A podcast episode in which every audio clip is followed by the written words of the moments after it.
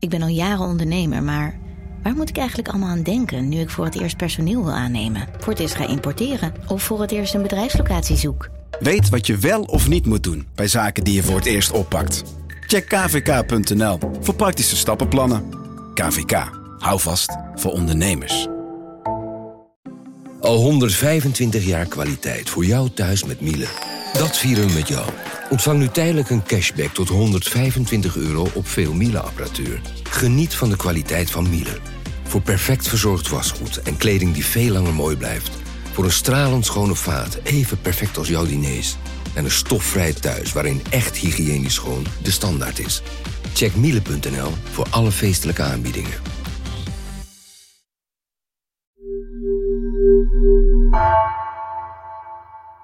Hi, ik ben Tessa Kolen, een van de redacteuren van NRC Vandaag. Uh, ik maak ook meerdere series voor NRC, waaronder Gereden Twijfel, uh, dat ik samen met onderzoekjournalist Bas Haan heb gemaakt. En met hem maakte ik ook de aflevering waar je zo naar gaat luisteren. Het is een van de meest indrukwekkende afleveringen waar ik het afgelopen jaar in heb gewerkt. Het is het verhaal van Thijs H., een man die in een psychose in 2019 drie willekeurige mensen vermoordde.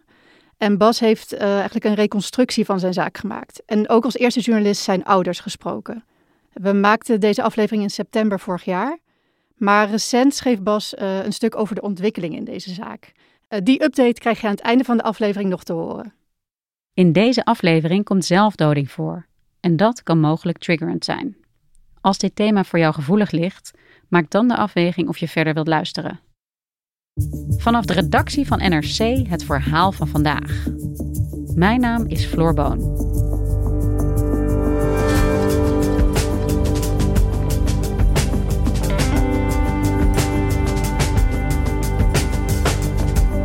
Thijs H. stak in 2019 uit het niets drie wandelaars dood.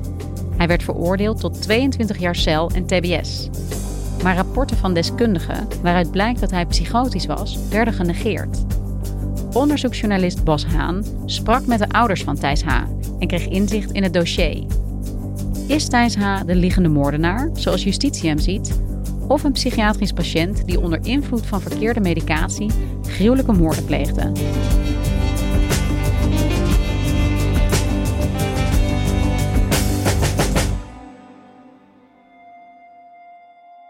Een sleutelmoment in dit verhaal, en niet alleen in dit verhaal, maar gewoon in het leven van Thijs Hermans, in de zaak Thijs H. en het leven van de ouders, is 7 mei 2019. Op die dag gaat Thijs een wandeling maken tegen de zin van zijn ouders in, maar die kunnen hem niet tegenhouden.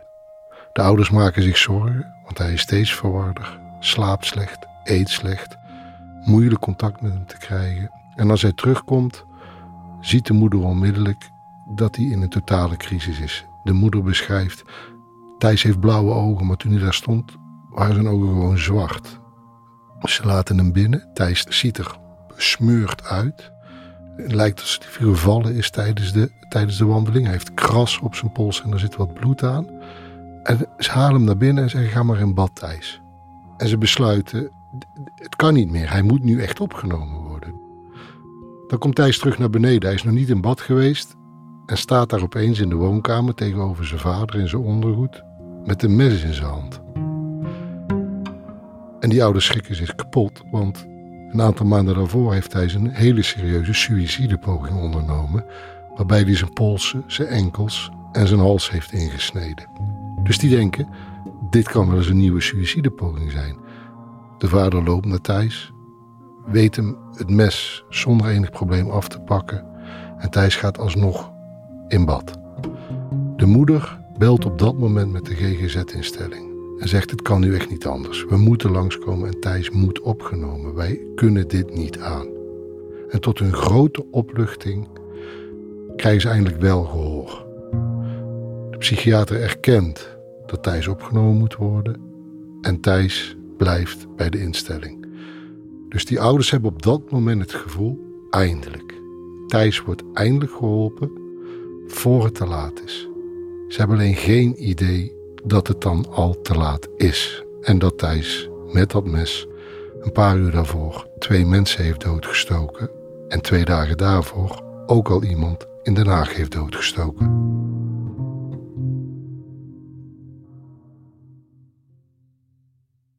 Ja, Bas, het is een beangstigende scène die je hier schetst. Deels door de ogen van de ouders van Thijs H.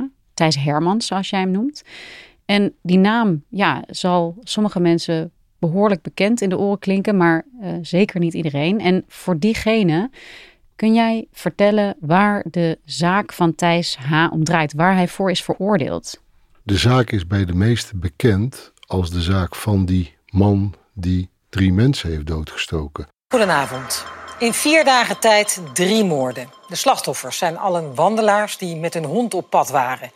In Den Haag een vrouw van 56 en een man van 68 en een vrouw van 63 op de Brunsumer Heide bij Heerlen.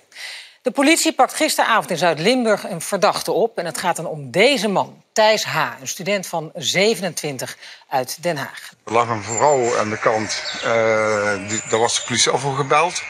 En uh, ik ben extra anders gelopen het bos in om, om het te vermijden. En daar vond ik nog een uh, meneer die ook dood was gestoken. Vanaf moment 1 is er een beeld ontstaan van een monster, een seriemoordenaar die uit handen van de politie wilde blijven. Eh, die geholpen werd door zijn ouders. En eh, dat is het hele strafproces dat er natuurlijk is geweest, is dat, is dat de toon blijven bepalen. Dat strafproces is erin geëindigd dat hij 22 jaar cel en TBS heeft gekregen voor drie moorden. Um, en het hele proces is gegaan over de vraag: in welke toestand deed hij wat hij deed? En is hem dat te verwijten? Was hij volledig ontoerekeningsvatbaar omdat hij in een psychotische toestand verkeerde? Of is het hem wel degelijk aan te rekenen? Ja, jij bent hier helemaal ingedoken in deze zaak die eigenlijk gesloten was. Wat bracht jou ertoe om hier zo je in te storten?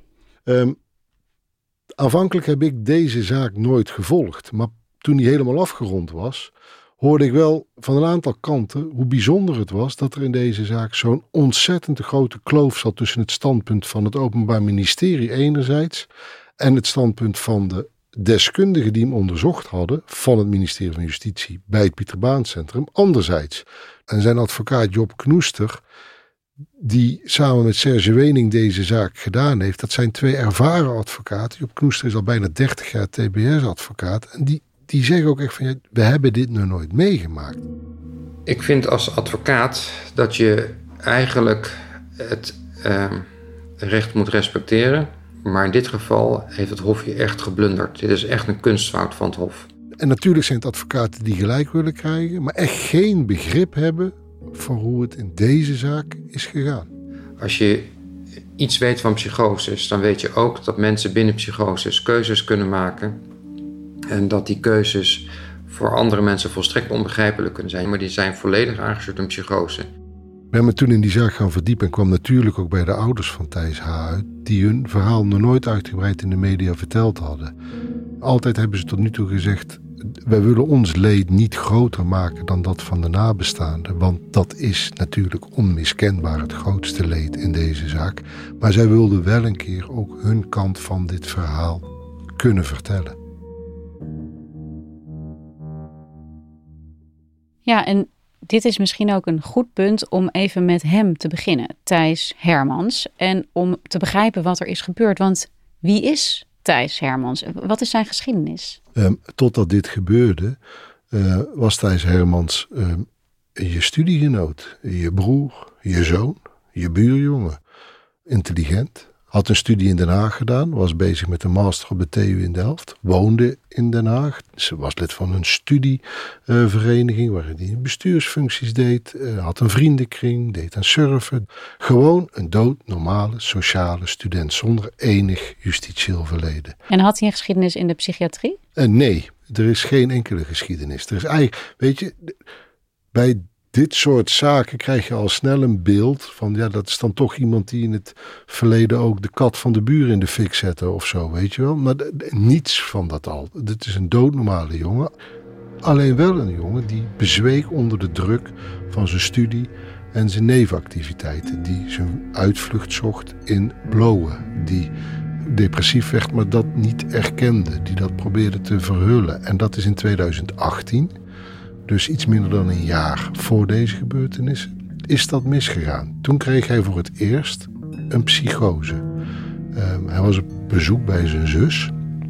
En ja, ik kan niet anders zeggen, maar raakte de weg kwijt. En de werkelijkheid die Thijs creëerde, of althans die er in zijn hoofd ontstond, was er een waarin mensen in codetaal spraken. Waarin de dwang was om aan die codes te voldoen, omdat anders zijn ouders vermoord zouden worden of hemzelf wat zou overkomen.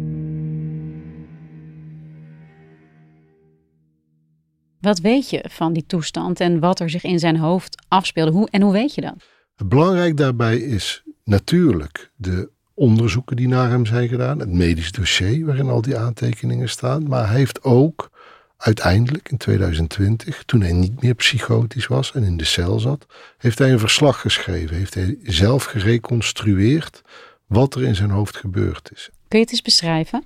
Ik kan wel een stukje voorlezen uit die aantekeningen van hemzelf, waarin hij probeert te beschrijven wat er met hem gebeurt, niet lang nadat hij een zenuwinzinking heeft gekregen.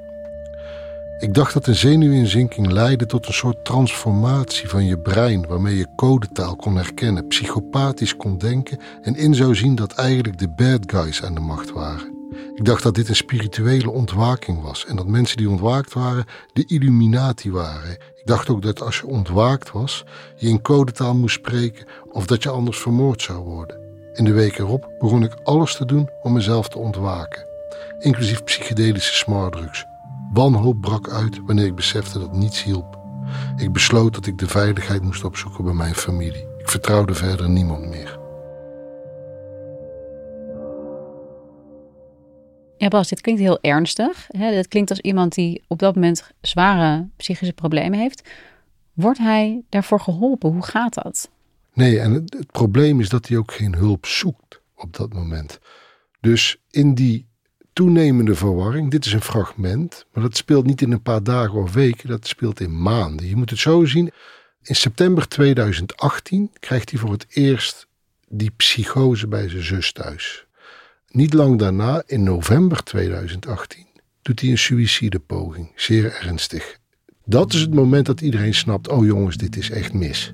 De artsen zeggen dan ook: deze jongen moet opgenomen worden. Maar er is geen plek in de GGZ-instellingen.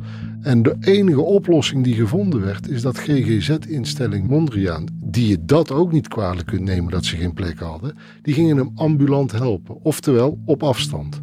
Dus Thijs ging thuis bij zijn ouders wonen in Zuid-Limburg en werd op afstand geholpen door Mondriaan. En wat gebeurt daar vervolgens? Ten eerste gebeurt er iets niet. Er wordt namelijk geen rekening gehouden met de eerdere psychose en de suïcidepoging bij het opstellen van het behandelplan. Hij wordt geobserveerd en ze komen tot de conclusie dat hij ADHD of ADD heeft. Hij verhult zijn psychose. Pieter Baan Centrum stelt erover vast dat daardoor mogelijk de misdiagnose ADHD, ADD's ontstaan. Maar dat heeft wel een dramatisch gevolg. Want het medicijn dat hij krijgt voor die misdiagnose, voor die ADHD, is het medicijn dexamfetamine. En van dexamfetamine is nu juist bekend dat het een aanjagend effect of zelfs een veroorzakend effect heeft op psychoses. Dus iemand die last heeft van psychoses, die komt letterlijk van de regen in de drup door dit medicijn. Ja, dus in plaats van dat Thijs behandeld wordt voor een psychose, krijgt hij een middel dat die psychose mogelijk versterkt. Zo is het. En vervolgens, wat gebeurt er dan? Ja, vervolgens zien de ouders zien het steeds slechter gaan met Thijs. Hij eet niet meer, hij slaapt niet meer, hij valt gruwelijk af en hij wordt verwarder. Als ze daarmee teruggaan naar Mondriaan, naar die GGZ-instelling, krijgen ze horen, ja, dat, dat hoort bij een medicijn, dat zijn bijwerkingen. Maar er komt geen verandering in diagnose of aanpak. En eigenlijk wordt de nood steeds groter. Al op 5 mei verzoeken ze Mondriaan, alsjeblieft neem hem op. Dat is de dag na de eerste moord. Maar dan krijgen ze weer te horen: nee hoor, het is het afstellen van het medicijn, dit hoort er allemaal bij. En dan komt dus twee dagen daarna, die dag, 7 mei, dat hij met het mes in de woonkamer stond en dat het allemaal al te laat is. En dan wordt hij uiteindelijk wel opgenomen. En op die dag dat hij daar voor de deur staat, vermoeden zijn ouders niets. Hè? Ik bedoel, je beschreef dat hij uh, besmeurd was en dat hij uh, bekraste armen had. Uh, en hij liep vervolgens ineens met een mes in zijn hand. Nee, ze vermoeden niets. Maar precies wat jij nu zegt is ook wat hen verweten werd tijdens het strafproces. Maar dat is natuurlijk met de kennis achteraf. Zij weten op dat moment helemaal niet dat er twee mensen zijn vermoord. Zij weten niet beter dan dat hun zoon een suïcidepoging heeft ondernomen en zij zien hem daar staan met een mes. Het is wat dat betreft natuurlijk volstrekt logisch dat die mensen op dat moment dachten: het gaat niet goed met onze zoon. Onze zoon moet geholpen worden. Ze hebben geen idee van wat er gebeurd is. De ouders horen voor het eerst van de moorden op het moment dat ze Thijs aan het wegbrengen zijn. En dan komt alles in een stroomversnelling. Die avond loopt Thijs weg uit de instelling. Dus terwijl de ouders nog net opgelucht aan het ademhalen zijn, wordt uiteindelijk geholpen, is hij alweer weggelopen. Ze halen hem op, ze brengen hem terug naar de instelling. En ze zeggen: Jongens, pas nou op. Hij is niet goed, hij loopt weg. En ja hoor, de volgende dag loopt Thijs weer weg. En dan wordt hij naar het bureau bedracht en daar schrijft hij zelf over. Eenmaal op het bureau spraken de agenten in code tegen mij, maar ik gaf niets terug. Ik was het zat en was klaar om te sterven.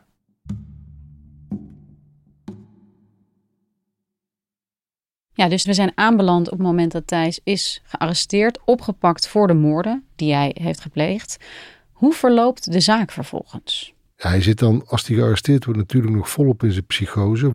Maar uiteindelijk krijgt hij andere medicijnen, is hij nog steeds heel verward. En dan, dan komt hij op die eerste zitting en dan, dan hoor je hem ook spreken.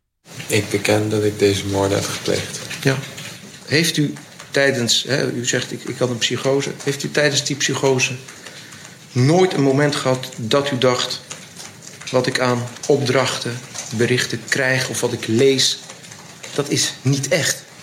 Dat klopt niet, dat zit alleen maar in mijn hoofd. Um, nee. Nee? Nee.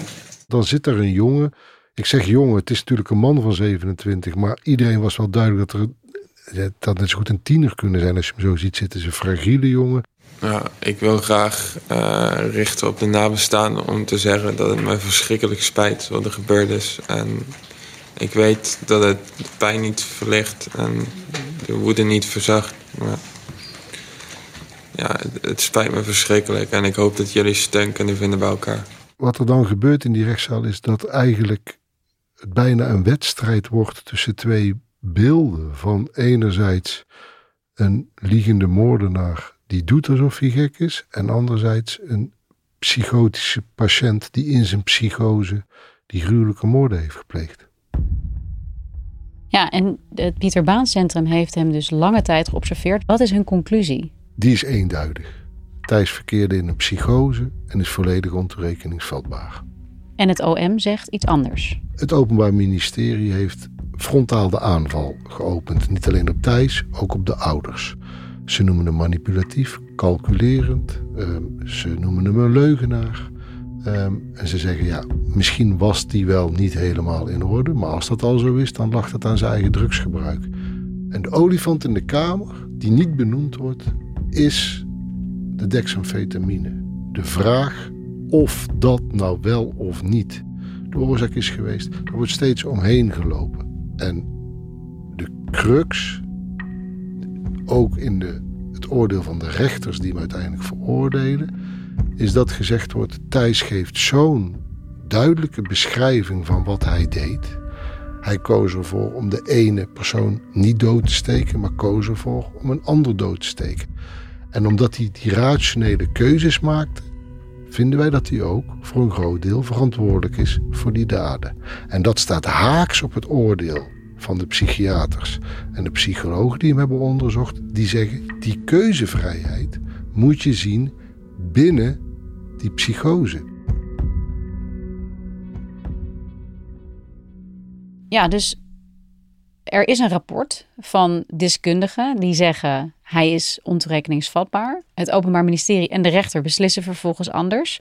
Wat zijn de verklaringen daarvoor dat ze dit rapport niet serieus nemen of zelfs terzijde schuiven? Ja, daarom hebben we die rapport hebben ook voorgelegd aan een onafhankelijk forensisch psychiater, een hoogleraar forensische psychiatrie, Robert-Jan Verkes, die die rapporten gelezen heeft en die zegt, ja, wat je ziet in de, is twee dingen in de samenleving, en dan parafraseer ik hem een beetje, is dat er enerzijds een enorme druk vanuit de samenleving is om harder te straffen. En dat het Openbaar Ministerie in deze daar veel te ver mee is gegaan. Hij zegt, het OM heeft zijn magistratelijkheid hier in deze zaak eh, verloren. Er, wordt een monster gecreëerd dat zo lang mogelijk opgesloten moet worden. En anderzijds, anderzijds zegt hij, zijn hier de magistraten, zowel het Openbaar Ministerie als de rechters, zijn op de stoel van de deskundigen gaan zitten. En, dat, dat is natuurlijk ook iets wat de advocaten grote zorgen maakt in deze zaak. Hier heeft de jurist, de rechter met de zwarte toga, de witte doktersjas aangetrokken. En dat moet je niet doen. Kijk, je mag van mij ook afwijken van het oordeel van deskundigen. Je hoeft ook niet het pleidooi van de advocaten te volgen. Maar als je dat doet, dan moet je het wel verdorie goed uitleggen.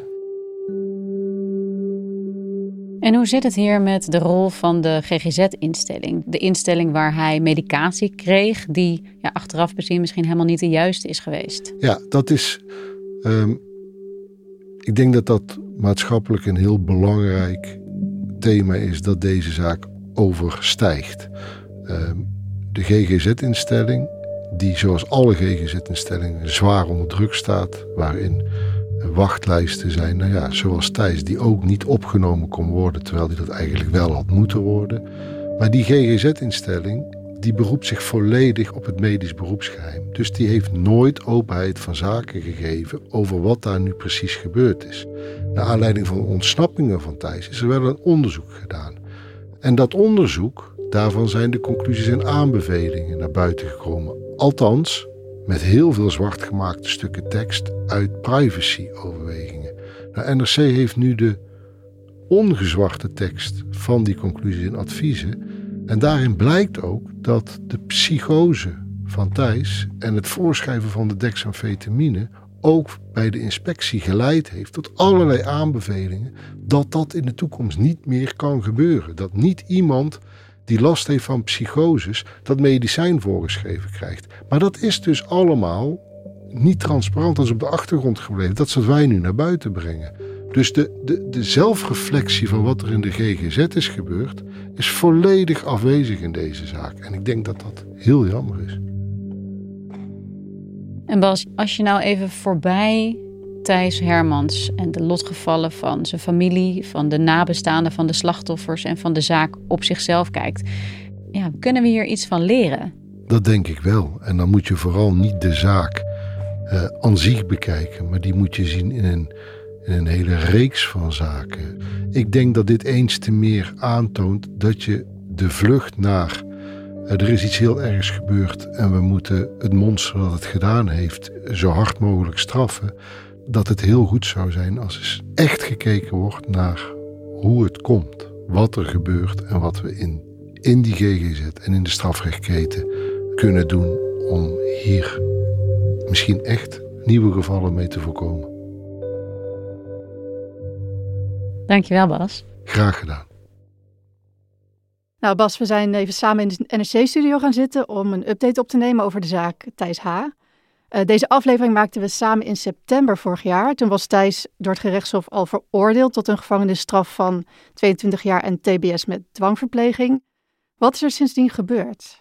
Uh, er is cassatie ingesteld in die zaak. En normaal gesproken is dat een hele droge juridische procedure die 9 van de 10 keer eindigt in een afwijzing. Dat is zeg maar de laatste kans voor iemand om de zaak heropend te krijgen, waarin niet inhoudelijk op de zaak gekeken wordt, maar op de vraag: is hier nou procesmatig alles goed gedaan door het Hof om tot die veroordeling te komen.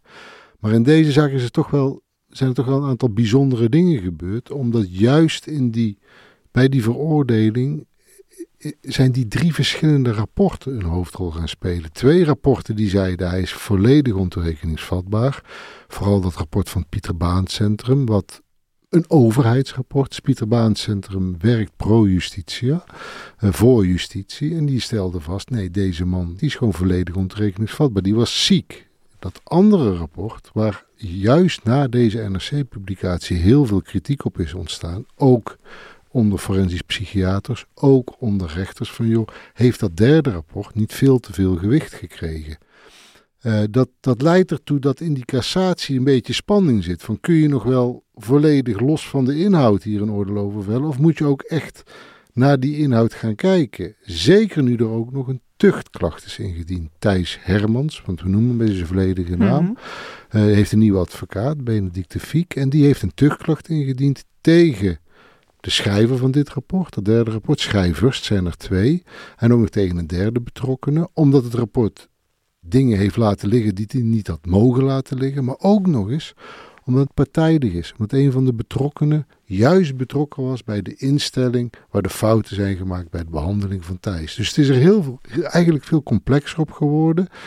Uh, en ja, dat, dat, dat legt een hoop gewicht in de schouders. Ik ben heel benieuwd hoe het afloopt met de terugklacht. Ik ben heel benieuwd hoe het afloopt met de cassatie. Maar ik ben vooral heel benieuwd of nou eindelijk een keer via welke methode dan ook het kwartje gaat vallen. Dat hier mogelijk, heel waarschijnlijk, niet alleen slachtoffers zijn gevallen als gevolg van allerlei fouten die gemaakt zijn, maar dat er ook een slachtoffer vastzit. Namelijk een slachtoffer van een foute behandeling. Ja, dit gaat dus eigenlijk verder dan de zaak van Thijs H. Hoe ga jij nu verder met dit onderzoek? Ja, nou dat, dat heb ik ook eigenlijk al gedaan, want deze zaak was aanleiding om ook daarin te gaan verdiepen. Hoe zit dat nou met, met psychiatrische patiënten die ten onrechte niet de behandeling krijgen die ze wel horen te krijgen. En het treurige is, daar zijn er nogal wat van. En het gaat heel vaak mis. Onlangs nog met Jamal L. en die Albert Heijn. Ook dat was iemand die had gewoon opgenomen moeten zitten. Zat er niet. Dus het gaat heel vaak mis. Ik heb een, meerdere artikelen geschreven. Inmiddels is dat zelfs een serie geworden. Uh, de verwaarloosde psychiatrisch patiënt. Onder die titel is het te vinden op NRC. En daar staan artikelen die gaan over het varend zorgsysteem. En hoe als gevolg daarvan patiënten veranderen in daders. Helaas geen uitzondering. Dankjewel. Graag gedaan. Praten over zelfdoding kan anoniem via de chat op www.113.nl of bij de landelijke hulplijn 0800 0113.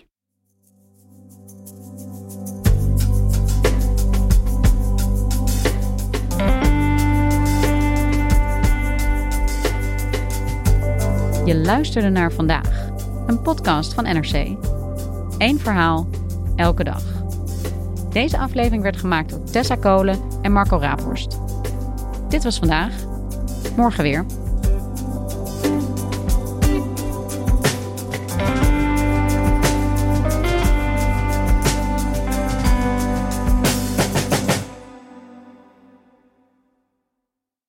Technologie lijkt tegenwoordig het antwoord op iedere uitdaging.